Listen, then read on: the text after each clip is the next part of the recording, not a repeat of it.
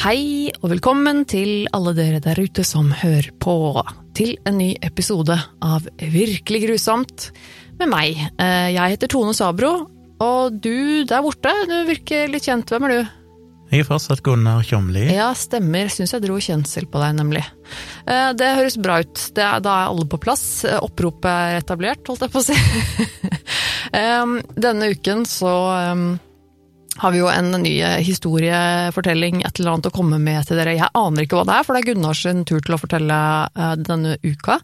Men eh, før vi kommer så langt, så skal jeg først eh, minne dere om at vi har en e-mailadresse som er virkelig grusomt at gmail.com. Der kan dere sende tilbakemeldinger til oss, eller dere kan sende tips om hva vi bør snakke om, gjerne med litt sånn info og linker og sånt, det liker vi veldig godt å få.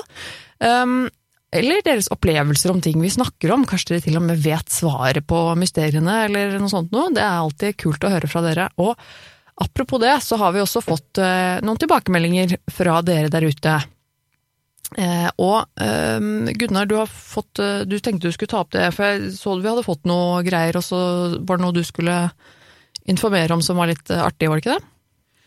Eh, jo, først tenkte jeg bare ta en mail jeg har fått fra en som heter Eirik, som skriver i episoden om skrikdrapet i Idaho blir det sagt at morderne hadde sneket seg inn og befant seg i huset mens kjæresten fortsatt var der. Ja, bare som en liten påminnelse for de som eh, ikke hørte episoden, så var det altså ei jente som passa huset til sin eh, tante og onkel eller noe sånt, og så hadde hun kjæresten på besøk, og så var det to venner som òg var der, og litt, etter en stund så gikk de to vennene, og så hadde de sneket seg inn igjen i kjelleren, og så bla, bla, bla. Så endte det opp med at hun, dame, hun jenta ble drept av de, da. Men eh, ja, som han skriver videre, da, Eirik, eh, samtidig som han, altså kjæresten, var der, forsøkte de å lokke personene ned i kjelleren ved å lage lyder og skru av sikringen. Var tanken da å drepe begge to, både kjæresten og jenta, Å ja. eller skulle de mhm. kun skremme ved første anledning før kjæresten skulle dra? Utrolig hva som kan plage en i etterkant, men klarer ikke legge det fra meg, he-he. Håper dere kanskje sitter på noe mer informasjon om akkurat dette.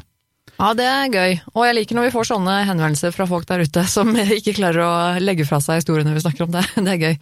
Jeg husker ikke om jeg og deg snakket om det i episoden, eller om det bare gnagde litt i bakhovet mitt, men jeg òg var litt sånn usikker, for det kjæresten og hun jenta var jo i stua, og så sneik jo de to andre vennene seg inn i kjelleren og drev og lagde lyder og skrudde av og på lyset og sikringen og sånn, Ja, for å prøve å lokke de ned i kjelleren, husker jeg at jeg fortalte. ja. Og så etter en stund så reiser jo kjæresten, da, for han må dra hjem, og så blir hun alene, og først da blir hun drept. Men det er jo et godt spørsmål, hadde de egentlig tenkt å drepe han òg?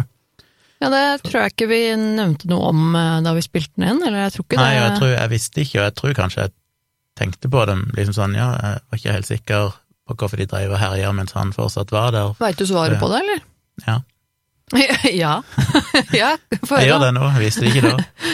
Men etter å ha googla litt, så fant jeg ei ny nettside om den saken, og der hadde de òg transkribert alle de videoopptakene, for de drev jo og filma seg sjøl, Ja, ja, ja. både før og etter drapet. Stemmer det. Og i flere av de transkripsjonene så eh, snakker de om at de egentlig har lyst til å drepe mange, så mange de kan, og sånn, før de eventuelt blir tatt. Eh, og rett før så snakker de ganske eksplisitt om, iallfall i et par av opptakene, om at han Matt kommer til å være der, og de skal drepe han òg. Ja, Og kanskje først han, og så hun etterpå, og ditten og datten, sånn. Så det Ja, så det var planen å drepe begge to? Ja. Ja. Jeg trodde nok når jeg fortalte historien, at de hadde liksom bare pekt seg ut to. Men det viser seg, og det viser seg jo òg, jeg vet ikke om jeg nevnte det, at de egentlig hadde planlagt å drepe 28 andre tidligere, Oi. men hver gang de prøvde, så var enten foreldrene hjemme, eller noen liksom, De var ikke alene, så det, Mm. det liksom funka aldri. De fikk aldri disse jentene, eller guttene kan jo ha vært, for alt jeg vet, alene. Så det er Mm. litt tilfeldig at hun ble drept, fordi hun da tilfeldigvis endelig fant jeg ei som var alene Ja. i huset. Så jeg har sendt eh, link og svar på mail, så det har allerede Eirik fått, men jeg tenkte jeg skulle Ja. nevne det her uansett. Fortell det til meg òg. Ja, Ja. det er fint, det. Hyggelig. Og så, etter Roskilde-episoden forrige uke, så fikk jeg jo en melding på Messenger, Facebook, av en eh, bekjent av meg som heter Magnus Nome. Ja, for forrige uke så fortalte jo jeg om, eh, om, eh, om et par sånne konserter dødsulykker, og blant annet da snakket vi om Roskilde i år 2000, som var en dødsfelle for mange, dessverre. Mm. Um, og vi kjenner jo også et par stykker som har vært der. Eh, Under den eh, konserten.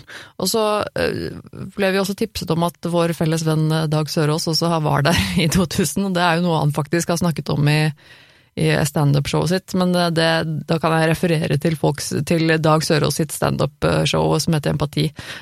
Folk kan sjekke det ut der. Det jeg tror det, det gjør seg bedre i hans standup enn i denne podkasten. Ja, og ut ifra det, det klippet han viste på, ligger på YouTube, da han forteller om det, så fikk han ikke med seg så mye, for å si det sånn. Nei, det, jeg tror ikke det var det som var største er hans. så største er fokuset hans. ikke så mye å referere fra Dag sin opplevelse av det. Men du fikk en eh, tilbakemelding, ja. Magnus Nome var der, han er jo jobba blant annet eh, med de første sesongene av Folkeopplysningen i Teddy TV, og Ja. hatt litt pause derifra, men er nå tilbake igjen der i Teddy TV, og jobber med mye forskjellig. Um, veldig aktiv på Twitter òg. Ja. Bra fyr å følge. Mm. Men han skrev plutselig til meg, og jeg skal lese opp, det kom jo over flere meldinger dette, så litt sånn usammenhengende, men han skrev var på den Roskilde-konserten i 2000, faktisk. Var et stykke lenger bak og forsto ikke helt dramatikken først. Var godt med plass rundt oss, men Eddie Vedder ble mer og mer fortvila og ba folk rykke bakover gang på gang. Mm. Kamerafolka på scenen gikk først inn i en slags reportermodus, så en stund var det live overføring av livløse kropper som ble båret bort på den enorme storskjermen, men den ble kutta ganske fort. Vi rusla en tur, og når vi kom tilbake var det trykket stemning. Da hadde de akkurat kommet med en announcement om at det var døde, tror jeg. Ja. Det var helt kaos etterpå fordi det var lite mobiltelefoner, og titusener av unge skulle ringe hjem for å si, si at de levde. Hundrevis i kø for telefonkiosker, Å ja. og så måtte man sjekke ut om alle man kjente levde. Det tar også en del timer når alle er loka og, har få, og få har telefoner. Ja. Dette var i 2000 tross alt, så det var ikke ja. helt Det begynner å bli en god stund siden, det nå. Usikker på om den beskjeden vi gikk glipp av nevnte døde eller bare kritisk skadde eller noe sånt, men det var en ordlyd som gjorde at folk forsto alvoret. Eddie var virkelig gråtkvalt, og fra seg, husker jeg, ba folk rykke bakover uten at mye skjedde, tror jeg. Lurer på om det var fordi de metallgreiene som var der for sikkerheten, virket mot sin hensikt. Ah, ja. Husker ikke detaljene lenger. Hundrevis i kø for telefon Ja, det var en korreksjon i for noe han skrev tidligere. Hundrevis i kø for telefonkiosker og ladebuer til mobiltelefoner. Å ja. ja. Foreldrene mine trodde jeg var død et halvt døgns tid, tror jeg. Klart, klarte å innbille seg at jeg var stor Pearl Jam-fan, og jo, og jo alltid likte å stå langt framme. Det siste var rett, men jeg var ikke så ivrig på Pearl Jam, mer Nirvana for meg, derfor tok jeg det rolig et stykke lenger bak. ja, det kan han jo være glad for. Så det er jo ah, litt interessant å bare få sånn innblikk i det der kaoset når folk ringer hjem og Ja, lader telefonene sine og deler telefoner og veldig. finner vennene sine og sjekker om de lever og alt det der. Så. Utrolig ekkelt å være så tett på en så øh, fæl hendelse, altså. Men vi går raskt videre til dagens hovedsak, fordi Ja jeg eh, Ja. I dag er det en så omfattende sak at jeg, eh, vi kunne ha lagd sikkert fem episoder om dette. Ok. Eh, Så det blir litt amputert, eh, nødvendigvis. Jeg skal jo få med de viktigste tingene, iallfall innledningsvis, men det er så mye rundt det som er så Så du vil ikke, ta, du vil ikke gjøre dette til en uh, toparter, altså? Nei, for jeg tror ikke jeg orker. Og Ok. Resten er på en måte omstendigheter som ikke er så interessante for selve saken. Anten bare sånn Ja, det er jo interessant, men det handler jo ikke om akkurat det grusomme, men det er litt utenfor poenget med denne podkasten. Okay. Men jeg kommer til å hinte om, litt om hva det er. Er det en eh, sak som jeg har hørt om før, eller en sak eh, som vi har blitt tipset om, eller sånn kanskje? Nei, det er en sak jeg fant sjøl, og kjenner jo så til han. Jeg kjenner jo navnet til hovedpersonen og saken, men jeg har aldri satt meg veldig inn i han og på en måte visst hvor omfattende og hvor mye, mye rart det er egentlig som skjedde rundt dette. Oi, oi, oi. Nå er jeg spent. Og godt mulig du òg kjenner saken, og sikkert mange av lytterne våre som kjenner, men allikevel så tror jeg nok sikkert mange av lytterne som kjenner saken, sikkert ikke vet så mye mer enn meg, Ja. Og det kanskje er noe interessant greie her. Ja, det er alltid mange sånne detaljer man ikke har fått med seg når det Ja. gjelder en sak. Som man, selv om man har hørt om saken, så er det alltid ting man ikke har fått med seg. Og jeg syns i hvert fall alltid det er interessant å høre om en sånn sak, eh, egentlig uansett om det er noe jeg har hørt om eller fulgt med på, så syns jeg alltid det er gøy å Ja, ned. uansett, så Eller for å si som jeg alltid pleier å si, når jeg skal researche sånne saker, så er det jo mye forskjellige artikler og litt motstridende informasjon som jeg Jeg prøver Ja. liksom å finne en sånn mellomting som er sånn noenlunde korrekt. Ja. Ja. Men det handler altså om belgieren Marc Dutroux, Ok. som staves D-U-T-R-O-U-X, for de som har lyst til å google det. Vi legger jo ved linker som vanlig. Sånn fransk, eh, fransk navn. Ja. Dette er jo, det er jo en av de verste personene som har levd, holdt jeg på å si. Jeg kan ikke si at det ringer noen bjeller sånn øyeblikkelig. Nei, det er en helt forferdelig sak. Eh, Men la meg starte på starten. Han ble født 6. november i 1956 i Brussel. Mm. Eldste av fem barn. Foreldrene var lærere og emigrerte til belgisk Kongo, og returnerte til Belgia igjen i 1960. Men hvor var det du sa at han var født? Brussel. Belgia. Å ja, sånn ja, ja, nettopp. Så han var der når han var veldig, veldig liten. Kom tilbake igjen til Belgia da han var tre-fire år gammel. Foreldrene ble separert i 1971, og så bodde han en stund hos mor si, men da han var 16 år, så flytta han ut, og en liten periode så jobba han som eh, sexarbeider for, ja, for menn, da. Homofile Han- sexarbeidere. Han gjorde det, jøss. Ja, det er jo sprekt. Det er ikke så ofte man hører om, liksom. Nei, Eller er kanskje jeg som er, eh, ikke har peiling her, men jeg føler liksom at eh, mannlige sexarbeidere er liksom ikke så vanlige som kvinnelige. Interessant, bare. Nei, vi hører ikke så mye om de, men de er jo veldig, veldig vanlige. Regn, ja, jeg regner jo med at de fins, men Ja, ikke bare fins, men jeg mener det er data som tilsier at det er like mange av de som kvinnelige. Det er, det det? Ja, jeg er ikke sikker på om det stemmer, men det er iallfall veldig, veldig mange flere. Mye mer vanlig enn det folk flest tenker på. det er i så fall veldig i interessant. Det merker jeg at jeg fikk lyst til å finne ut mer om. Det, det ja, ok. Ja. Jeg skal ikke stoppe deg, bare fortsett. Han jobber som sexarbeider også? Ja, en liten periode det er bare nevnt i historien hans. Okay. Eh, han gifta seg da han var 19 år gammel, fikk to barn med ei dame, og ble skilt i 1983. Allerede på det tidspunktet så hadde han en affære med ei som heter Michelle Martin, og de fikk etter hvert tre unger sammen. De gifta seg i 1989 mens begge to var i fengsel, og det skal vi jo komme tilbake til, hvorfor de var i fengsel og sånn, Ja. og ble skilt i 2003, og da var de òg i fengsel, Aha, ok. men ikke samme fengselsdom. Ja. Men det kommer vi tilbake til. Han var en eh, arbeidsledig på 80-90-tallet, holdt jeg på å si, så han, han var en arbeidsledig elektriker, og hadde jo en lang historie med kriminalitet, mye sånn biltyveri, rana folk, narkotikasalg og så videre. Så det blir jo sagt at han var en sånn klassisk sosiopat, egentlig. Jeg mener han bare dreiv mye med kriminelle ting, uten særlig mye hensyn. ja. I februar 1986 så ble Marc Dutraud og hun Michelle Martin, altså kona hans, arrestert for å ha kidnappa og voldtatt fem unge jenter. Uta. Og det er på en måte bare en opptakt til det som ble den virkelige saken, som på en måte han egentlig er kjent for. Så dette her er ikke nevnt så mange ganger. De fleste plassene så er det bare nevnt at han liksom ble tatt på 80-tallet for å ha kidnappa og voldtatt noen jenter, men, okay. men alle de jentene overlevde. Ok. Veldig kjapp gjennomgang, eh, og her står det ikke med fulle navn, det er sikkert for å beskytte deres identitet, eller kanskje de ikke vet det lenger, for det er så lenge siden, men ei som blir kalt for Axel D, hun ble kidnappa 14. desember 1985, og hun sier senere at hun ble fortalt at du tror at han var med i en gjeng, en sånn kriminell gjeng, som var ledet av to personer, en italiener og en gal dum en. Um, en fyr som heter Jean van det, det er veldig mye rare navn her, så det er vanskelig å uttale, men eh, Jean van PTGem Er det sånn, trenger jeg å huske disse navnene, eller? Jeg skal gjenta de viktige etter hvert, jeg ser ikke Ja. så viktig, dette er bare en opptakt. Ok. Er iallfall en fyr som heter PTGem, som innrømte å ha deltatt i kidnappingen, og han sa at han hadde kidnappa hun der Axel D sammen med Mark Dutroux og Michelle Martin, altså kona hans. Mm. Og han PTGM hadde bodd hos Dutroux etter å ha blitt avskjediget fra militæret og hatt et samlivsbrudd eller blitt skilt. Eh, og han sa òg at han og Dutroux hadde kidnappa to jenter tidligere, men de ble aldri oppspora av politiet, så det tror jeg aldri det ble noen sak av, selv om han hevda at de hadde kidnappa noen andre. Okay. Det første offeret som de kunne dokumentere at de hadde kidnappa, var ei som var elleve år gammel, som heter Sylvi D, Elleve år gammel, ja. som ble kidnappa 7. juni 1985 Åh. eh, 17. oktober 1985 så kidnappa de Maria V, som var 19 år. Og hun identifiserte òg en tredjemann som deltok, men han ble aldri identifisert av politiet, så han ble aldri funnet. Nei. 17. januar 1986 så ble Katarin B, som var 18 år gammel, kidnappa.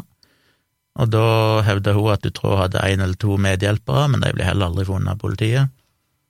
Og det kunne ikke være han PTGM, for akkurat på det tidspunktet så var han utplassert i Tyskland, sikkert i forbindelse med noe militærtjeneste eller noe sånt, så han var ute av landet. 18. desember 1985 så kidnappa de kidnappa Dutroux ei som heter Elisabeth G, som var 15 år gammel, og Peter Gem har senere sagt til politiet at Dutroux filma henne naken og tok bilde av henne. Mhm. Tidlig i 1987 så ble da Dutraux, Peter Gem og Martin arrestert, og mye av grunnen til det var at alle jentene gikk jo fri, de ble kidnappa, voldtatt eller tatt bilde av og sånn, men sluppet fri. Jeg vet veldig lite om dette, det er vanskelig å finne informasjon om det, Ja, ok. så hvorfor de liksom bare slapp de fri, og hvordan det foregikk og sånn, det vet jeg ikke helt, men, men det skjedde i hvert fall. Ja. Og da hadde visst, mens de var i fangenskap, så hadde jo han der PTGM sittet og prata med de og egentlig fortalt mye om seg sjøl og sånn, Å oh, ja. at når eh, ei av de iallfall, eller flere av de, hadde jo snakka om politiet og hadde nok informasjon til at de klarte å finne ut at det var sikkert han. ja. Så de kunne jo faktisk gjenkjenne han, da. Så Ja. ta Ja, det var jo Så alle de tre ble jo tatt og dømt til fengsel 26. april 1989. Hørtes ekstremt lite strategisk ut, og så bare legge ut og fortelle masse Ja, og snakke med, de, eh, med dem de kidnappa, og så bare slippe dem, og så Ja. fortsette. Ok, det er jo ganske de ble dømt i april 1989, og det var jo da han og Michelle endte opp med å gifte seg i fengsel, da, på dette første fengselsoppholdet. Men traff de hverandre i fengsel? Nei, det gjorde de ikke. Nei, de traff jo hverandre tidligere, for hun var med på dette. ja. Ja, nei, Hun var med og kidnappa. Eh, Michel Martin fikk fem år fengsel, han PTGM fikk seks og et halvt år, og Dutroux ble i 1989 altså dømt til 13 og et halvt års fengsel. Oi. Han fikk den hardeste straffen, for han hadde gjennomført noe, flere ran sammen med PTGM, blant annet et brutalt ran av ei 58 år gammel dame, og der var det òg andre som var involvert, visstnok, men de ble aldri funnet av politiet. Så 1989, altså, skulle han egentlig sittet 13 og år i fengsel, det vil si han skulle ha sittet til litt ut på 2000-tallet, men allerede i 1992, i april 1992, så ble han, eh, slapp han fri på grunn av god oppførsel. Ok. Ja, han satt jo ikke lenge inne. Nei, så han satt jo bare en, tre år. tre og et halvt år eller noe sånt. Ja. Og det fascinerende er at, eh, jeg vet ikke hva de kaller de, eh, beste oversettelsen jeg fant på norsk er benådningskommisjonen, de som da avgjør søknad om eh, løslatelse eller prøveløslatelse. Å ja, nettopp. De fikk et brev fra mora hans der hun på en måte advarte de mot å slippe han fri. Mot å slippe han ut, ja. Ja. Oi, ok. Og en psykiater som hadde evaluert han, advarte også sterkt mot at han skulle få en tidlig løslatelse, fordi han sa at du Dutroux var fortsatt farlig, Og likevel. men han slapp fri. Wow. Og etter løslatelsen så klarte han å overbevise en psykiater om at han var ufør, og fikk da resten av livet, egentlig, eller fram til han havna i fengsel igjen, eh, trygd, eh, eller hva du skal kalle det, på rundt 1200 dollar i måneden, så Ok. rett under 10 000 kroner i måneden, eh, som egentlig bare var juks, da, som det vil vise seg seinere, men han klarte nå å lure en sånn, så han fikk liksom penger fra staten hele tida. Han fikk òg skrevet ut masse sovepiller og beroligende midler fra legen, og de kom han jo seinere til å bruke på helt andre enn seg sjøl. Ja. Han virker jo eh, litt som en eh, Ja, litt sånn sosiopatisk, eh, narsissistisk type som du snakker om. Han er tydeligvis ikke så veldig interessert i å jobbe heller, og vil helst bare drive med sitt og Ja, og det Ja. rare med at han fikk innvilga denne trygden, eller hva du skal kalle det, er jo at han faktisk eide sju hus. Eh, De fleste av de sto tomme. Han eide sju hus. Ja, han hadde sju eiendommer med hus på på det tidspunktet. Oi. Og eh, ja, jeg må kanskje hoppe Jeg må ikke avsløre for mye her, føler jeg. Ok, ja. Litt usikker på om jeg Jeg, bare skrev ned dette etter hvert som jeg eh, Ja, fant det. ja, ja. sånn, mm, Bør jeg si det nå? Ok, ja, nei, vi kan godt, eh, vi kan godt hoppe kan si videre sånn eh, foreløpig, hvis du I den ene boligen så endte han opp med å bygge en fangekjeller. Så nede i kjelleren så bygde han et, et rom som lå bak en massiv betongdør som var kamuflert som ei hylle eller en sånn reol eller et eller annet sånt. Ja, flott. Og den var liten. Den var liksom bare 2,15 meter lang, så litt over to meter lang, mindre enn en meter vid og 1,64 meter høy. Så ganske Selve så det liten, rommet? Ja. Å, ja, Ganske sånn liten fangerom. Ja, det er ikke stort. Det er jo bare et lite hull, egentlig. Men så begynner jo de forferdelige tingene. Um, da er vi i 1995. Han slapp jo fri i april 1992. Og da er kona hans også ute. Ja. Ja. Uh, ja, det er jo Så 24. juni 1995 så kidnapper han, sannsynligvis alene, ei jente som heter Julie Lejeune, Lejeune, åtte år gammel, og år? Melissa Russo, åtte år gammel. Ah, De var ute og gikk en tur sammen, og de ble kidnappa sammen, de to jentene. Sannsynligvis, som sagt, er du tror alene, og han tok de hjem og holdt de nede i denne fangekjelleren. Og der ble de da misbrukt seksuelt, og han lagde overgrepsfilmer ja, av å misbruke de, da. mm. 22. eller 23. august 1995, altså et par måneder seinere, så Kid ble ei jente som var 17 år gammel, og som heter Ann Marshall, og ei som heter Efje Lambrex, som var 19 år gammel. De ble jo kidnappa sammen mens de var på vei hjem fra en utflukt eller campingtur eller noe sånt. De forrige jentene, slapp han de fri, da, eller? Nei da, de sitter Ah, ja, okay. fortsatt i fangekjelleren. Ja, nettopp, ja. Sannsynligvis så gjorde Dutroux det sammen med en, eh, en sammensvoren som heter Michel Lelievre. Ok. Lelievre var visst en eller annen rusmisbruker som fikk betalt for å hjelpe han gjennom å få narkotika av Dutroux. Så når de kidnappa disse to tenåringsjentene, Ann Marshall og Efie Lambrex, så var jo denne fangekjelleren allerede full, for de hadde de to småjentene der. Så de ble istedenfor holdt lenka fast i ei, til ei seng i et annet rom i huset. Og kona, altså hun Michelle Martin, hun visste alt om hva som foregikk. Ja. Eh, Så står det ikke så mye mer om de to tenåringene, annet enn at etter noen uker De ble jo òg da voldtatt og sånn. ja. Etter noen uker så ble de dopa ned, og så ble de flytta til et av hans andre hus, og der ble de begrava levende. De ble Å, shit. Det er så deprimerende. Det er liksom alltid Nei, fy fader. Omtrent på den tida som dette her skjedde, så stjal eh, Weinstein, som var en, eh, en medhjelper av han, eh, jeg nevnt han før, Jeg tror ikke det. Nei. og en som heter Philippe Diver. De stjal en sånn luksusvan og gjemte han i en hangar. Eieren av denne hangaren fant han og rapporterte til politiet, og de kom og hentet han.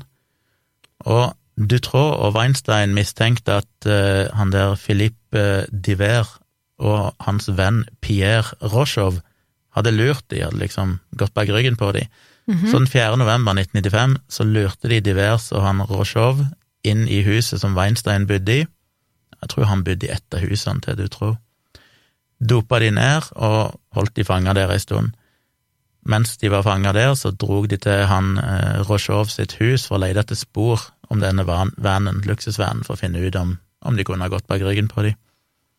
Og der fant de istedenfor kjæresten til han Rochov, som heter Benedict Jadot, som de tok med seg tilbake igjen og avhørte, og så stengte de henne òg inne, og så dro de av sted for å finne en annen person som de skulle finne ut om han hadde noe mer informasjon. Og mens de var vekke, da, så klarte hun der, kjæresten, eh, Benedict. Benedicte Jadot, å rømme og fikk varsla en nabo som ringte politiet. Og Weinstein han var allerede ettersøkt av politiet, så Ja. før politiet kom, eller før ja, politiet visste ikke hvem de skulle lete etter på det tidspunktet, men eh, Dutroux kidnappa da Weinstein, som egentlig var med han i starten, for han mistenkte at han kanskje hadde noe med dette å gjøre, og holdt han fanga i fangekjelleren sin mellom 13. og 20. november. Oi. Og da måtte jo de to småjentene på åtte år gjøre noe annet, så de fikk lov å springe rundt fritt i huset, Jaha. gå fritt rundt i huset, mens eh, han holdt Weinstein nede i denne fangekjelleren. Og der endte han opp med å dope han ned med å gi han mat med rohypnol på. Og så okay. satte han sånne slangeklemmer, altså sånne metallsirkler, sånn klemme som du skrur til rundt røyr og sånn for å stramme til og feste ting. Ja. Han satte sånne på testiklene hans og stramma de til helt til han Weinstein innrømte hvor pengene var. Vet ikke hvilke penger det egentlig var, men noen penger, kanskje for den verden, et eller annet sånt. Ok. Og så etterpå så tok han med seg Weinstein til en av eiendommene sine og begravde han levende. Ja, ok. Han var jo da heldigvis, forhåpentligvis, neddopa, men eh, Altså, man kan jo bare håpe det, Ja. i så fall. Det er jo bare ok. ikke ja. at Reinstein var mors beste barn, men allikevel. Jeg tviler på at han var så ille at han fortjente å bli eh, begravd levende. Det tror jeg ikke det er noen som fortjener. Men hun eh, Benedicte Jadot, som altså var kjæresten til han der Rojov, hun, Mm. eh, hun hadde jo varsla politiet, og i desember 1995 så klarte han Rojov å identifisere Dutroux. Sikkert for et eller annet bilde eller et eller annet sånn politiet ga han. Så da ble Dutrå arrestert av politiet, og han satt i varetekt da ifra 6. desember 1995 til 20. mars 1996. Ok. Men hvem er det som er i huset hans? Jo, det er kona, Michelle Martin, og Ja. de to jentene som sitter jentene, ja. i fangekjelleren. ja. Ja, for de har nå sikkert blitt flytta ned igjen i kjelleren, ja, selvfølgelig. For nå er jo ikke han uh, Og der. så er det jo litt eh, sprikende vitneforklaringer og sånn, men Dutroux hevda på et tidspunkt i hvert fall at han hadde gitt kona si, Michelle Martin, beskjed om at eh, hun måtte gå ned og mate de jevnlig mens de satt der. Ok. Det gjorde hun ikke, for at hun syntes det var altfor skummelt å gå ned i denne fangekjelleren. Ja vel, ja. Så Julie Lejeune og Melissa Russo sulta i hjel i løpet av den perioden. Han satt jo da en tre måneders tid i varetekt. Å, fy faen. Uh, Så er det litt sprikende. Dutroux hevda seinere at uh, når han kom hjem igjen, slapp fri for varetekt, så var, var de i live. Han sa at hun Le- Lejeune døde samme dagen, men at Russo døde fire dager seinere, selv om han hadde liksom prøvd å redde henne. På et annet tidspunkt så sa han jo òg at de allerede var døde, eh, for han sier seinere at grunnen til at han drepte Weinstein, var fordi han hadde gitt Weinstein beskjed om å mate dem, og det hadde han ikke gjort, og derfor så drepte han han, fordi de hadde dødd. Eh, og ja, vi kommer tilbake til det seinere, litt forskjellige forklaringer. Men en ekspert sa jo at de kunne jo ikke ha overlevd i tre måneder hvis ikke de fikk mat. De ville Nei. jo neppe ha overlevd mer enn to, maks tre dager uten vann. Ja. Så Liten kaffepause. Så kommer vi fram eh, sånn satt i varetekt altså til 20. mars 1996, men allerede 28. mai 1996 så kidnappa han ei som heter Sabien Darden, som var tolv år gammel. Hun var på vei til skolen, sykla til skolen, da hun ble kidnappa, sannsynligvis av Dutraud og han medhjelperen som heter Lelievre. Og til hun òg, når hun satt i fangenskap, så fortalte Dutraud at eh, hun var blitt kidnappa av en kriminell gjeng, at foreldrene hennes ikke, var, ikke ville betale løsepenger, og at den gjengen derfor hadde tenkt å drepe henne. Men han liksom fremstilte seg som the good guy som skulle beskytte henne for denne gjengen, da. Aha. Og han lot henne blant annet skrive brev til familien og sånn, men posta det jo selvfølgelig aldri. Så han manipulerte henne jo bare til å tro at eh, han, hun kunne skrive brev, og ironisk nok så ble de da selvfølgelig brukt mot han i rettssaken seinere. Og at han ødela dem ikke? Nei. Ah. Men uh, hun jo, har jo sagt i ettertid at hun ble jo sulta, fikk veldig lite mat, og ble jo voldtatt gjentatte ganger av Dutroux mens hun satt i fangekjelleren. Ja. 9. august, altså samme året, altså ja, to og en halv måned seinere, så kidnappa han ei på 14 som heter Laleti, La, Laetitia Delhes. Hun var på vei hjem fra svømmehallen og ble kidnappa. Men der var det et øyenvitne som så dette, og hun huska deler av nummerskiltet. Og det ble da rapportert til politiet, og etter hvert så klarte du, eh, politiet å matche det opp mot Dutroux sin bil. ja. Så 13. august, altså bare fire dager etter at hun ble kidnappa, så kom politiet og arresterte Dutroux, Martin og Lelièvre. Oi. Det triste da er jo at de gjennomsøkte huset, men fant ingenting. Å nei. Men to dager seinere, altså 15. august, så innrømmer Dutroux og Lelièvre disse kidnappingene, og Dutroux tok da med politiet til huset og viste denne fangekjelleren, og der fant de da Sabine Darden og Laetitia Delhes i live den 15. august. Ja, de levde ennå? Ja, så hun siste som ble kidnappa, hun satt vel seks dager cirka Ja. i fangekjelleren, mens hun satt igjen satt hun hadde vel jo sittet der en 80 stund. dager, tror jeg jeg leste en plass. Ja, for hun ble jo da noen kidnappet noen måneder senere, før tidligere. Ja, for hun ble kidnappa i slutten av mai, så ble hun frigjort i midten av august. Å, fy fader. De overlevde i hvert fall, da. De overlevde. 17. august så tok da Dutroux med politiet til et av de andre husene sine, og der fant de levningene etter hun, de to småjentene, Julie Lejeune og Melissa Russo. Det var de som han hadde begravd levende? Ja, de, nei, de som hadde sulta i hjel. Ja, åh, ja. Og ikke så langt ifra dem så fant de òg han her Bernhard Weinstein, som en av hans medhjelpere, som han da hadde òg gravd ned levende. Ja. Obduksjonen viste at de to små jentene hadde dødd av sult. Eh, og på det tidspunktet så sa han jo at han hadde drept Weinstein fordi han ikke hadde mata de jentene, Å ja, ok. Ja. selv om det neppe var sant. Mm. Til slutt så fortalte Dutroux hvor, finne, hvor politiet kunne finne levningene etter Ann Marcel og Efi Lambrecht, som var de to tenåringsjentene. De ble funnet 3. september, begravd under et uthus ved en av boligene til han du tror. samme boligen som Weinstein hadde bodd i i tre år. Og de var jo da begravd levende. Politiet fant jo hundrevis av videoer med overgrepsmateriale i husene hans, eh, altså overgrep mot barn, i tillegg til mye hjemmelaga porno med, med han sjøl og kona Michelle Martin. Mm. Rettssaken starta Dette var jo i 1996, men rettssaken starta ikke før i 2004, 1. mars 2004, altså sju og et halvt år etter at han ble arrestert. Oi, det var lenge. Og det ble innkalt eh, rundt 450 vitner, og Ja. den rettssaken varte vel et par måneder. Ja, det må det ha gjort. Ja, det jo sikkert, var sikkert en ganske langtekkelig og stor uh, sak. Ja. Og det var jo en jury som skulle avgjøre dette, da. ja. Det endte jo opp uh, med at uh, ja, du tror han ble jo sikta for drapet på Ann Marcel, Effie Lambrecht og Bernhard Weinstein. Han ble okay. altså ikke sikta for drapet på de to små jentene. Ja vel? Han innrømma å ha kidnappa de, men han nekta for drapene, selv om han tidligere hadde innrømt å ha drept Weinstein. Eh, han ble jo sikta for noe biltyveri og drapsforsøk, kidnappingsforsøk, overgrep, tre voldtekter av noen slovakiske kvinner mens han hadde vært i Slovakia, som kommer tilbake til om et øyeblikk. Michel Martin og han eh, Lelievre og en som jeg kommer tilbake til, som heter Michel Nohul, ble også sikta for deltakelse.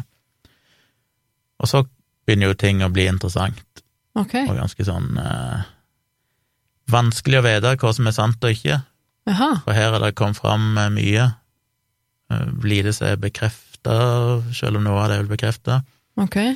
Men Dutroux hevda jo gjennom hele rettssaken at han var del av en europeisk pedofiliring med deltakere fra politiet, det var businessmenn, det var leger, høytstående belgiske politikere, Ja.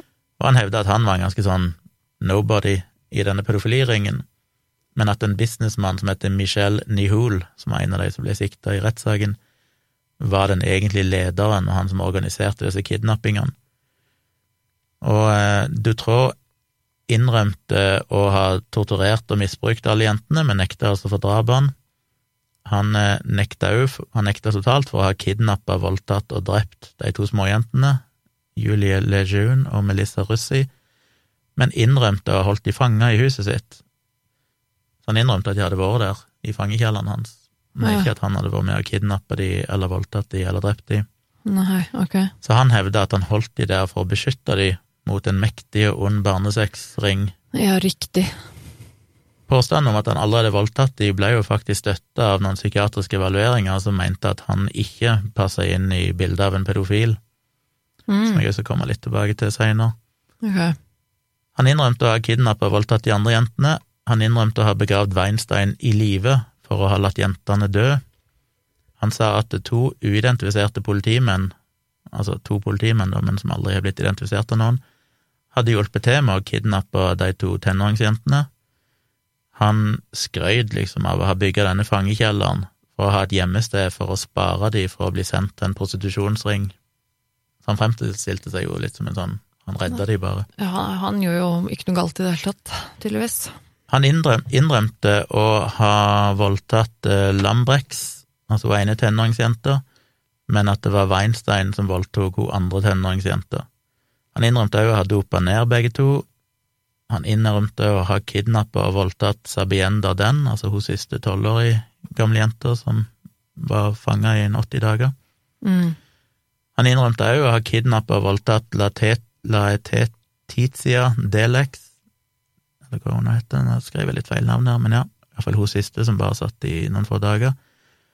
Men sa at han ikke hadde gitt de til han der Michel Nihul, fordi han skulle redde de fra samme skjebne som, eh, som de to tenåringsjentene, da, Anne Marcel og Efi Lambrex. Ja, fy faen, for en idiot. Michelle Martin hun vitna om at Dutroux og Weinstein hadde kidnappa Lejeune og Russo, altså de to små åtte år gamle jentene. Han, hun sa jo at eh, hadde innrømt henne, eller fortalt henne at han hadde drept Weinstein. Han, hun eh, vitna jo om at Dutroux og Weinstein hadde drept Marshall og Lambrex, de to tenåringsjentene.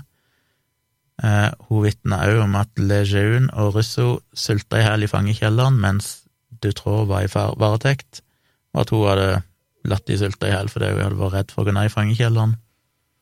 Hun sa jo at Dutroux hadde bestemt seg for å begynne å kidnappe jenter allerede tilbake i 1985, som vel var da han begynte å kidnappe de der fem første Mm. som han satt i fengsel tre og et halvt år for. Ja, riktig. Med drøyt tre og et halvt år for å ha kidnappa og voldtatt fem små jenter, eller jent, små jenter og tenåringsjenter. Ja, han ble Eh. sittende inne i tre år, og så i tillegg til at uh, både hans mor og en psykiater da sier at uh, kanskje helst ikke slippe ut ham her, eller? Og så gjør de det likevel. Ja, det er er drøyt. Da slipper du billig unna, altså.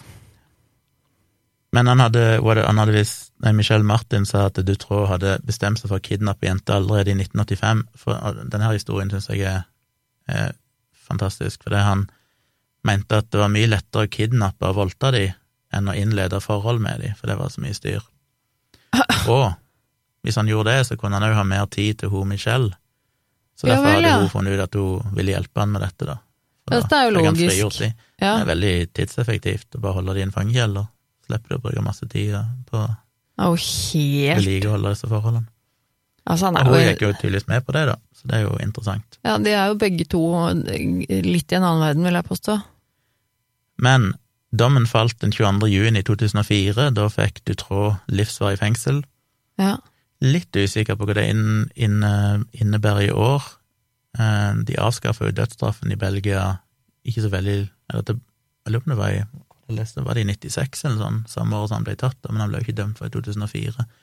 Ja, ja, okay, Men fordi, undersøkelser viste jo at en betydelig andel av den belgiske befolkningen ville jo egentlig at han skulle ha dødsstraff. Ja, men, de, men altså, de, har, de har hatt dødsstraff, Ja, og så har de avvikla det i 90 er år. relativt ny tid. Ja. Men det slapp han. Men han fikk livsvarig fengsel, og Mm. det tror jeg er betydelig mer enn de 20 årene vi er her. ja, det er det sikkert, ja. Jeg regner med at hvis de har hatt dødsstraff og Ja. avviklet det, så er vel livsvarig fengsel sikkert livsvarig fengsel. Jeg mener at etter han hadde sittet inne i 25 år, eller sånn, så var det sagt at han hadde sonet en tredjedel av straffen, som livsvarig fengsel er 75 år, eller et sånt. Okay, det er i hvert fall. Det er lenge. veldig lenge, da. Det er basically livsvarig for de fleste som er voksne. Ja. Hvis du er mer enn fem-ti år gammel når du blir tatt, så, Ja. så er det jo livsvarig.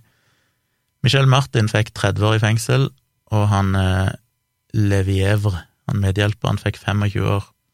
Ja.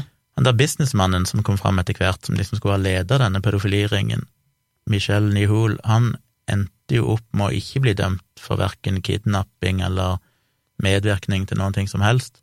Okay. Han fikk en eh, kort si, dom på fem år for eh, noen narkotikalovbrudd og sånn, men han ble jo ikke dømt for de der alvorlige sakene.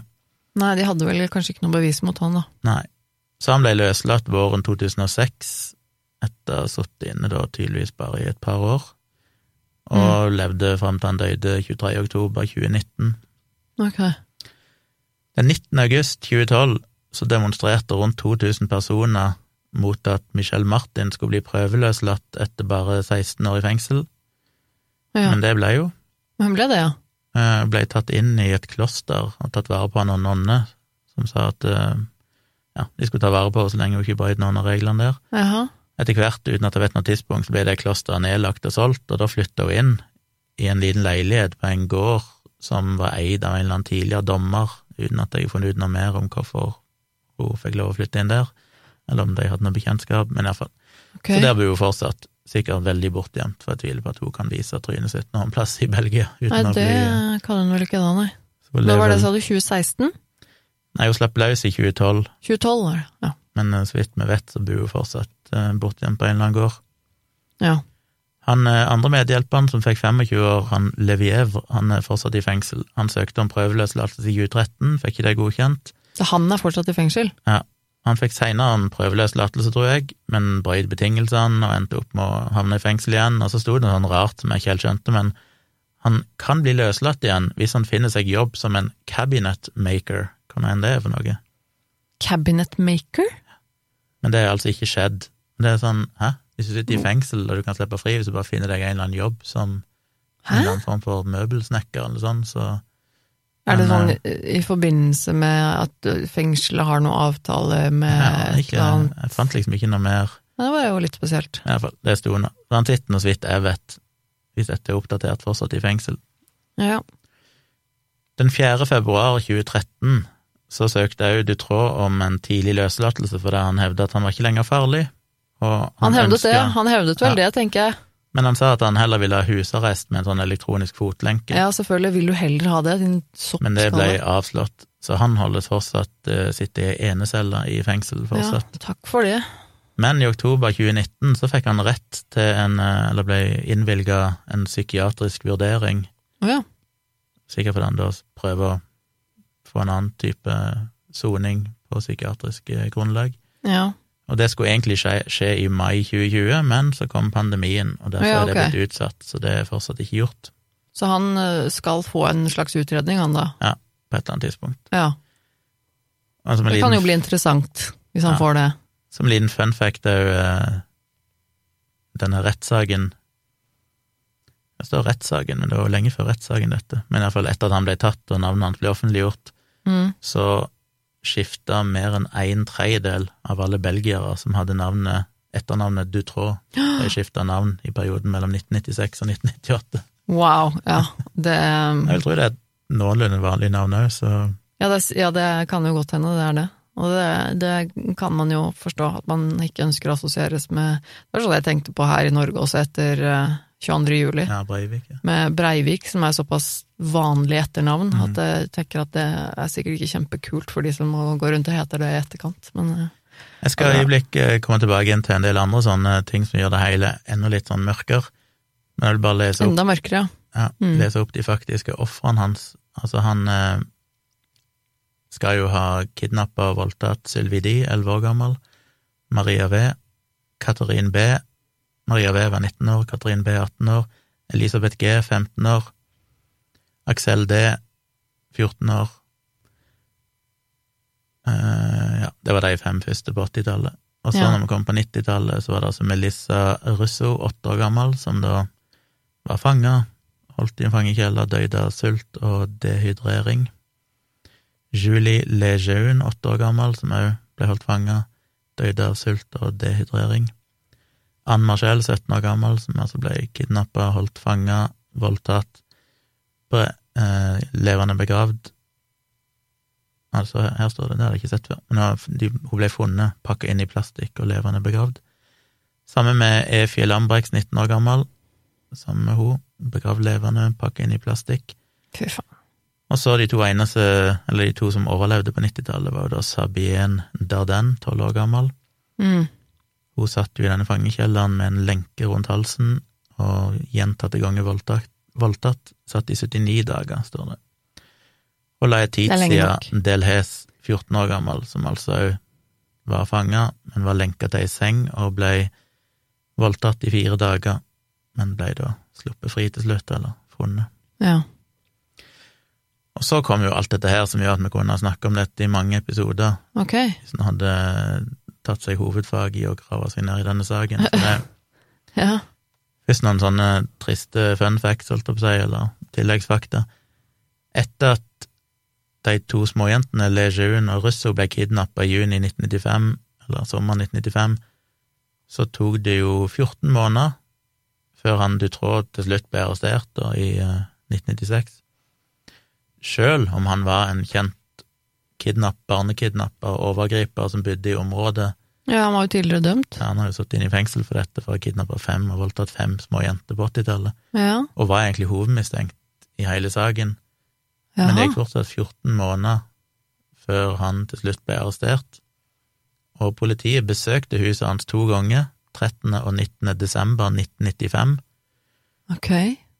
Da var det en politimann som heter René Mijot, noe sånt, som oppsøkte huset. Han hadde med seg en låsesmed, og de gikk inn i huset og leide litt sånn halvveis rundt. Men eh, så ville ikke han politimannen mer.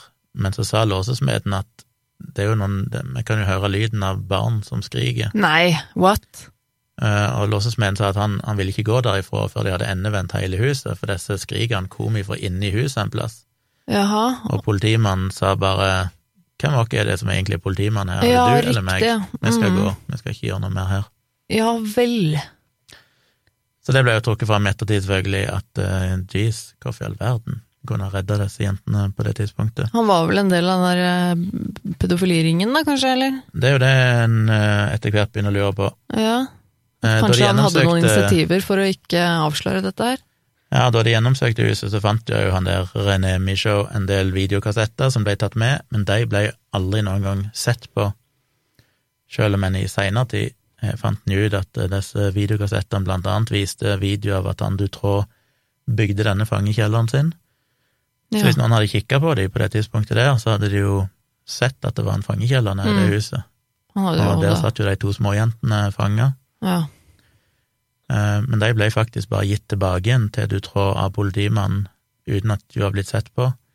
Jesus. Seinere, under rettssaken, så ville sjefsetterforsker eh, Michel Norlet ha tak i alle disse videokassettene, sånn at de faktisk kunne bli granska. Mm. Og her er det litt sånn rodete, men det viser seg at etter at du tror fikk tilbake igjen disse videokassettene, så var noen av de blitt stjålet og kom på avveie og bla, bla, bla, men til slutt så fikk de vel tak på en del av de iallfall. Okay. Og først i 1999 så ble en del av de videoene endelig sjekka, og der fant de jo blant annet video av at han Dutrå voldtok ei ung jente i Slovakia. Men det, disse tingene tror jeg aldri De ble ikke fulgt opp så mye som de burde ha blitt, for det, i ettertid så er det jo kommet kritikk om at hvis de hadde virkelig gjort noe med dette, så kunne de ha, ha identifisert andre ofre, og kanskje funnet ut Ja. hvor brutale overgrepene var. Og de kunne jo kanskje identifisert andre som var medvirkende i dette her, Mm. men generelt sett så ble det gjort en dårlig jobb. Det ble Ja. jo funnet over 5000-6000 forskjellige hår nede i denne fangekjelleren, og der er jo den lange lang og rodete historie, men det korte svaret er at de egentlig ikke ble identifisert, testa for DNA, før i 2001, Ok.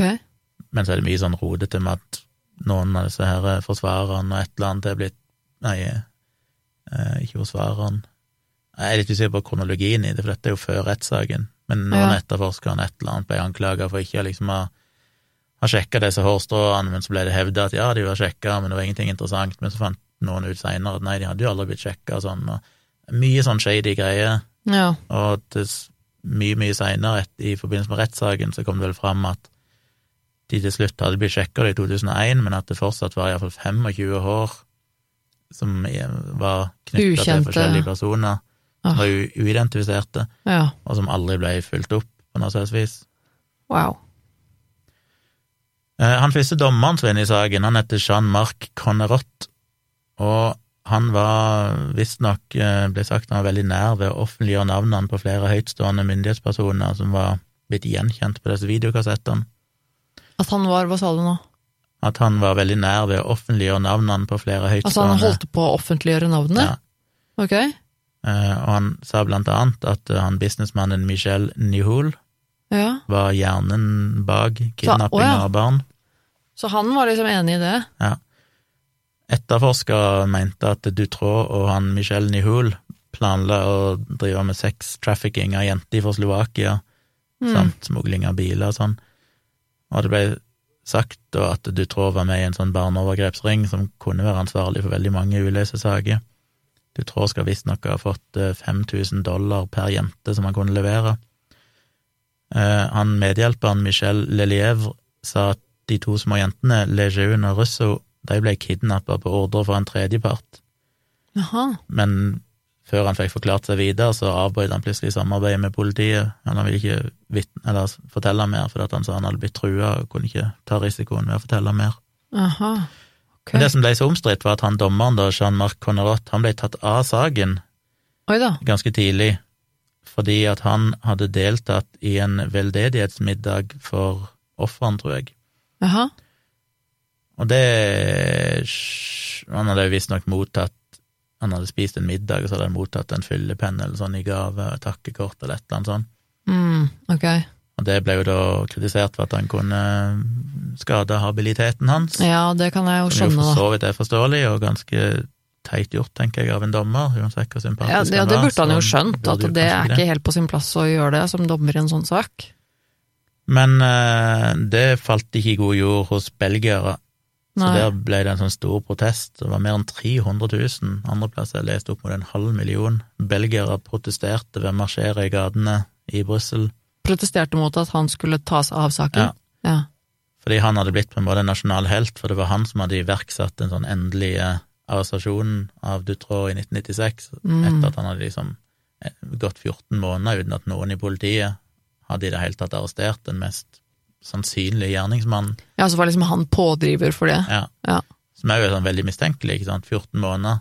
Ja, det det er flere er jenter som er blitt kidnappa, forsvunnet, helt forkastelig. han er dømt for dette før, bla, bla, ingenting skjer. Nei, det Så han Connerot var visst den som fikk dette her til å faktisk skje, og, og ble på en måte en nasjonal helt, siden han hadde klart å redde de to siste jentene, det i hvert fall, som overlevde dette her. mm.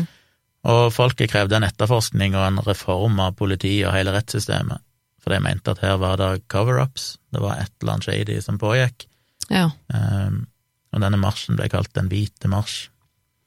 Da han omsider, da i For dette her skjedde allerede på 90-tallet, mens hele denne saken var under etterforskning og sånn.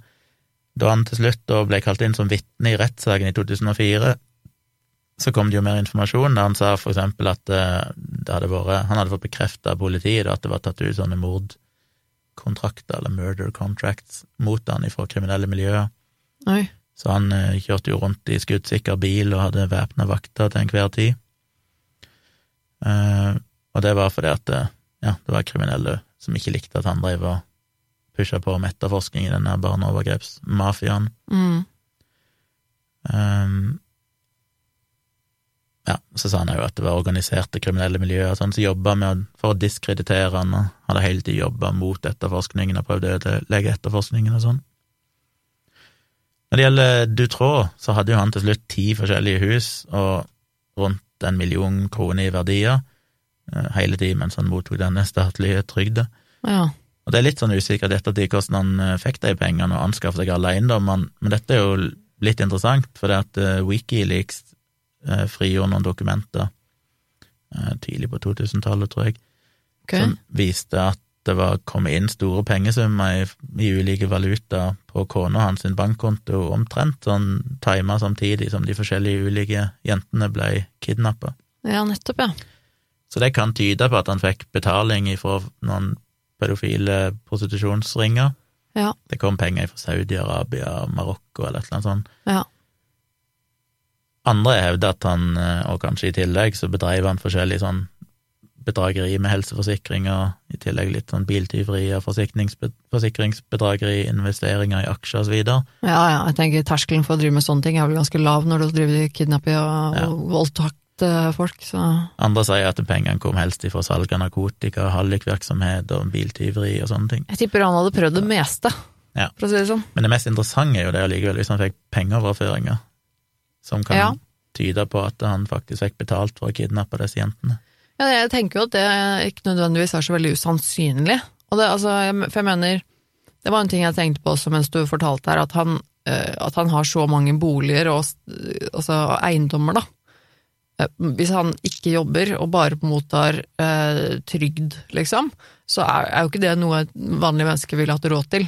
Så jeg tenker jo at, altså, at, at han da fikk, faktisk fikk betalt, enten om det var for kidnappingene, eller om han fikk kanskje betalt for videoene han lagde, da, eller at han Det er jo noe vi dessverre har hørt om før, at folk eh, tar bestillinger over nettet, ikke sant, så sier at, eh, at man har tilgang til noen jenter, ikke sant, og så er det noen på andre siden av verden som sier at å, jeg vil ha en video hvor du gjør sånn og sånn med disse jentene, og så gjør man det, og så får man godt betalt for det. Jeg kan tenke meg at det satt vel ikke langt inne for han å gjøre noe sånt nå, så Nei, øh, Men tilbake igjen til det med at han Grunnen til at jeg husker Mark Dutroux, er at han blir jo alltid trukket fram som den der på en måte prototypen på hva en pedofil er. Å ja.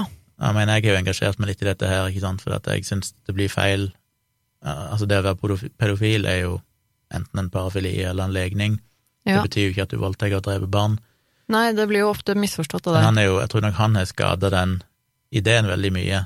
For etter det så ble det jo sånn Hvis du var pedofil, så var du basically en drapsmann og voldtektsforbryter. Ja, så det var liksom han som ble symbolet på det, Ja. omtrent. Ja. Og det er sånn jeg har jo alltid tenkt på han. Jeg har tenkt på at han var, han var liksom en forferdelig grusom pedofil mann.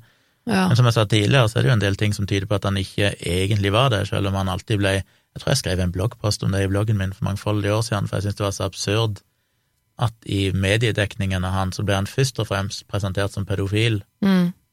og så liksom ned i teksten for sånn, ja, han hadde jo begravd jenter levende og drept de og sånn, Mm. men det verste var at han var pedofil. Og det er sånn, hæ? Eh, eh, Det er liksom Nei, han var først og fremst drapsmann, det er jo Ja. det som er det interessante, han drepte jo småjenter og torturerte dem. Ja. Eh, Om han var pedofil eller ikke, er jo helt irrelevant, for Ja, han forgrep seg det, på dem, Ja. uansett hvilken legning han hadde. ja. Og det er jo egentlig dette et godt eksempel på, for jeg har jo alltid tenkt da at han var pedofil, for han er jo blitt malt som det, Mm. men de sier jo, de som har undersøkt han, at han hadde jo egentlig aldri noe interesse for unge jenter. Det han drev med i sin tidlige kriminelle karriere, var jo biltyveri, våpensalg, narkotikasalg og hallikvirksomhet, trafficking av ja. voksne damer. Og hvis det stemmer litt disse teoriene, så kan det jo virke som altså, at det var For han var det business. Ja, men så oppdaga han etter hvert da at det var mye mer, bedre betalt å ta småjenter Ja. eh, og selge de til sexarbeid. Og Ja. som den sosiopaten han var, så var det sånn ja ja, det er penger det, det er bedre penger det, så I, don't care, ja. tydeligvis. For det er jo tydelig at han ikke ser på det, det her som mennesker, for han er Nei. jo bare objekter. Så han begynte da å kidnappe disse jentene, og det sies òg at han voldtok de bare fordi han ville produsere overgrepsmateriale som han kunne selge. Ja.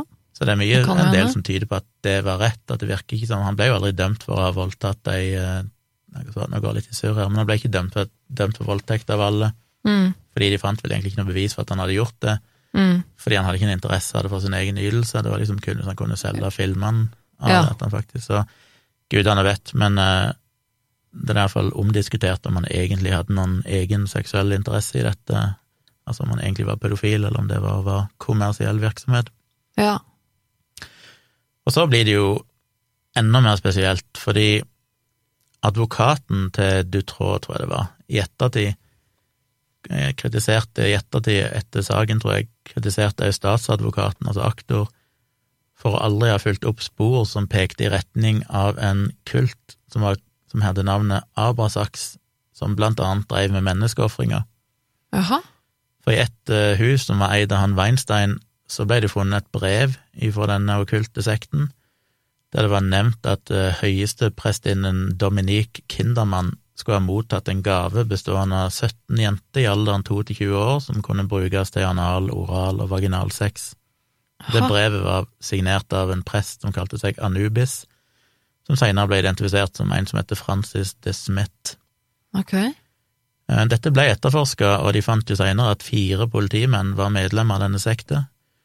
Oi. Og i 1996 så ble hovedkvarteret reida, 150 politioffiserer reida denne, denne adressen, og det finnes videoer som viser at de kom ut igjen med poser med papirer, videokassetter og et kjøleskap, samt utstyr eller, eller relikvier eller et eller annet sånt knytta til liksom black magic Mhm. og menneskelige hodeskaller. Ja. Men det ble tydeligvis aldri fulgt opp noe videre, da. Nei vel. Eh, og så er det mange andre vitner, jeg vet ikke om det var han en av disse dommerne som involvert i saken, gikk iallfall ut på et eller annet tidspunkt og etterlyste om det var flere, kunne være flere ofre der ute som hadde overlevd. Og da tror jeg det var rundt 20 Oi. damer som senere meldte seg, og de ble jo bare identifisert som X1, X2, X3 og sånn. Ja. Og det kunne jeg òg snakka mye om, men jeg fant ut det tar for lang tid. Men det, Ja. det var mye greier der òg, med forskjellige vitner sånn, som viser seg å matche opp med forskjellige folk som var forsvunnet tidligere, jenter som aldri var oppklart, eh, men som seinere noen av de ble diskreditert av media sånn, og sverta, og det var liksom ganske horribelt eh, mye ille som skjedde der. Så. Wow. Og til slutt så ble jo minst sju medlemmer i politiet arrestert for å ha tilknytninger til han du tror. Åh, det er så drøyt, altså. Og så begynner en å Her er ikke her er ikke noe referat, men uh, ut ifra det jeg ikke leste, så er det jo Jeg vet ikke om det var de der X1 til X20-jentene som òg hadde kommet vitner og forklaringer der de sa at de hadde liksom blitt holdt kidnappa og solgt i sånn alder av ja, veldig små, Mm. og ble tatt med på forskjellige Hun ene, for eksempel, hun hadde jo blitt tatt med av en venn av familien, da, med familiens godkjennelse til sånne sexfester da hun var elleve eller tolv år gammel, der det ble eh, ja, det var mye, mange småjenter der som ble seksuelt misbrukt, og det var visstnok utført drap og forskjellige ting, om det var i forbindelse med denne kulten, eller om det var bare en sånn pedofiliring eller et eller annet. Shit, altså. De her tingene vet jeg ikke sånn i ettertid hvor godt er dokumentert. Jeg mener at noen av de hørtes ut til å være relativt troverdige fordi det matcha opp mot andre data, og det var flere jenter som beskrev det samme. Ja. Samtidig så vet vi jo alt det der med false memories og, og sånn at det finnes jo fryktelig mange sånne beskrivelser der jenter har fortalt dette, som senere viser seg å ikke stemme i det hele tatt.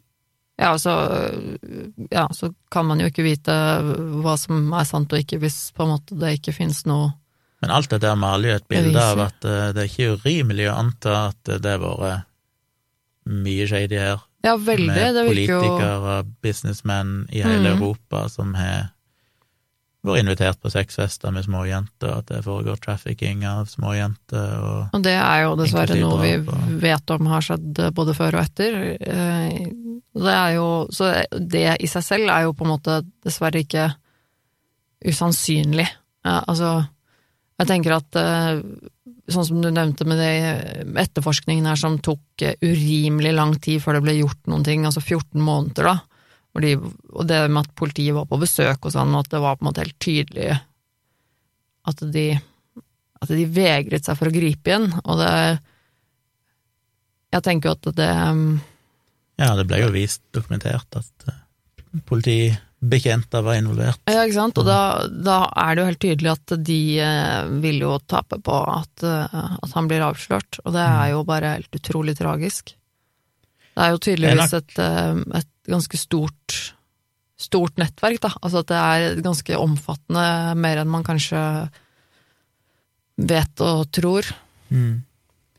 Og det er nok mye som tyder på at mens han ble liksom løfta fram som djevelen sjøl, som han jo selvfølgelig på mange måter var, så var nok han fortsatt muligens bare en, en liten brikke i et mye, mye større spill, og Ja. gjorde det primært av økonomiske årsaker, fordi han var en sosiopat og kriminell som fant ut at dette var lettjente penger. Mm.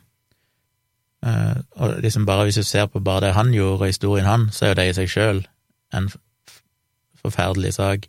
Mm. Men samtidig så blir det så lite når du tenker på ok, men dette er likevel bare en liten del. Han var sikkert bare én del, ja.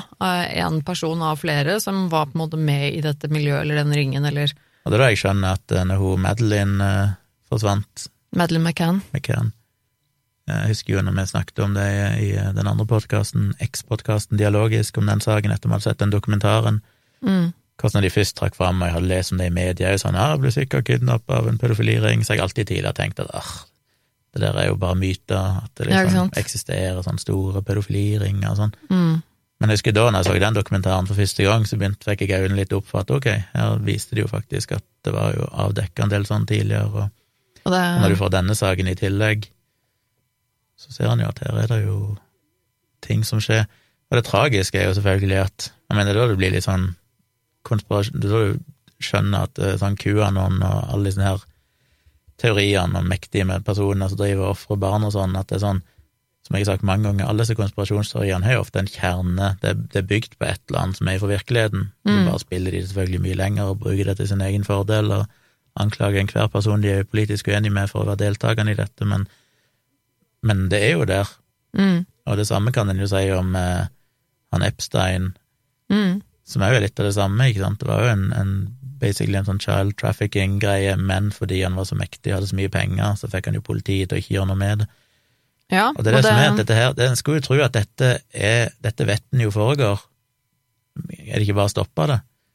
Men så er det sånn, nei, fordi det er mektige personer med mye penger, og det er folk i politiet, og det er politikere, og på en eller annen måte. Da har du liksom nesten en, en konspirasjonsteori som jo er mer enn bare en teori. Det er jo et faktum. Det er jo dessverre sånn at det fins råtne epler i ethvert uh, yrke og miljø og ikke sant. Det er ja, ja. til og med politiet og myndigheter som i utgangspunktet kan stole på, som skal gjøre jobben sin og gjøre det trygt for alle i samfunnet. Det er jo ofte dessverre folk der som ikke har rent mel i posen. Og så er det jo ja. Veldig trist, da, men det er jo de få som på en måte ødelegger ofte veldig mye. Um, men tenk hvor mye penger det må være i det for en politimann ja. som uh, sier at ok, men jeg kan sørge for at eh, dette aldri blir tatt tak i, eller får nok godt betalt rundt om i forskjellige land. Ja. Og vi skal ikke glemme at uh, Norge er neppe skilt ifra dette her. Sikkert greiene inn i de fleste land. Vi tror alltid Norge er så uskyldig, og her skjer det ingenting sånt, men uh, er sikkert noen greiner som griner i Norge òg. Men ja, det var min uh, historie. Jeg hadde vel ikke noe mer å si enn det. Jeg skjønner hva du mener med at det blir veldig omfattende og veldig mye, og var veldig ja. interessant, og veldig mange sånne grener her man kan snakke om som også kan være interessant i seg selv. Og jeg tenker at eh, da får vi heller eh, ta en del to av denne her. Hvis folk eh, skriver inn og vil høre mer, så får vi heller ta en prat til om det senere, hvis det er aktuelt. Ja, det er en interessant sak, fordi at du har liksom først de kidnappingene og voldtektene på 80-tallet, det kunne vært en egen episode. Det er, ja, sånn, det er ille nok. Voldtok og kidnappa fem små jenter. Ja. Ikke alle var små, men iallfall fem jenter og så slipper han fri tidlig for det, og så begynner han på nytt, og så ender det opp med at fem personer blir drept, fire som han kidnapper, pluss en samarbeidspartner, to av de overlever, men alle er blitt utsatt for tortur og fangenskap og voldtekt og produksjon av barneporno eller overgrepsmateriale. Mm. Så det i seg sjøl en interessant nok historie, og grusom nok, men så blir han dømt og så viser det seg jo at her er det forgreininger inn i alt mulig, og så er det sataniske kulter og Men er det på en måte Er de blitt koblet opp til hverandre, denne kulten og det barnepornoringen? De fant jo dette brevet i huset til Weinstein, som jo egentlig var huset til Dutroux, og som var samarbeidspartneren hans. Ja, så det kan tyde på at det har en sammenheng, da, at de er kobla mot hverandre. Så det er godt mulig at det var en bestilling de fikk, som de handla på, å kidnappe jenter mm. til denne sekta, der de blant annet og i tillegg til disse sexfestene med politikere og politimenn, og, og, det var navngitt en del personer i den artikkelen og sånn som jeg ikke gadd å begynne å grave inn i, men kjente toppolitikere i Europa sånn som har blitt avslørt som involvert i dette og sånn. Så ja, det kunne vært mange episoder, hvis en begynner å spinne på alle disse vitneforklaringene til de mer ukjente vitnene og sånn òg, som sier de har vært kidnappa, men sluppet fri tidligere og sånn, så så hadde du hatt mye å snakke om. Ja, dere som vil høre mer om uh, dette her, dere får sende inn uh, mail og mase ja. på Gunnar om å lage en oppfølger. Hvis jeg gjør det likevel, jeg vet ikke om jeg orker å begynne. Men, nei, men uh, ja, på grusomhetsskala. Nei, jeg, den, så en sak som dette her syns jeg nesten blir litt sånn som sprengeskalaen, for det, den er liksom så stor og omfattende og innefatter så utrolig mange liv og skjebner at det og det er jo den, Det er på en måte det,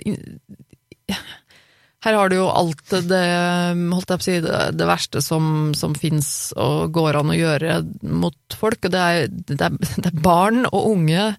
Det er eh, folk som blir torturert, voldtatt eh, og, og drept og begravet levende, levende og, og, sultet i hjel, og overgrepsmateriale som ble spredd, og trafficking og og mest sannsynlig da at det er myndigheter og, og politiet og sånn involvert i dette her, som gjør alt på en måte enda verre på et vis, fordi at det, det gjør at du blir veldig sånn håpløst, og at det, når du er med en gang på et sånt nivå, så er det så mye vanskeligere å få stoppa det.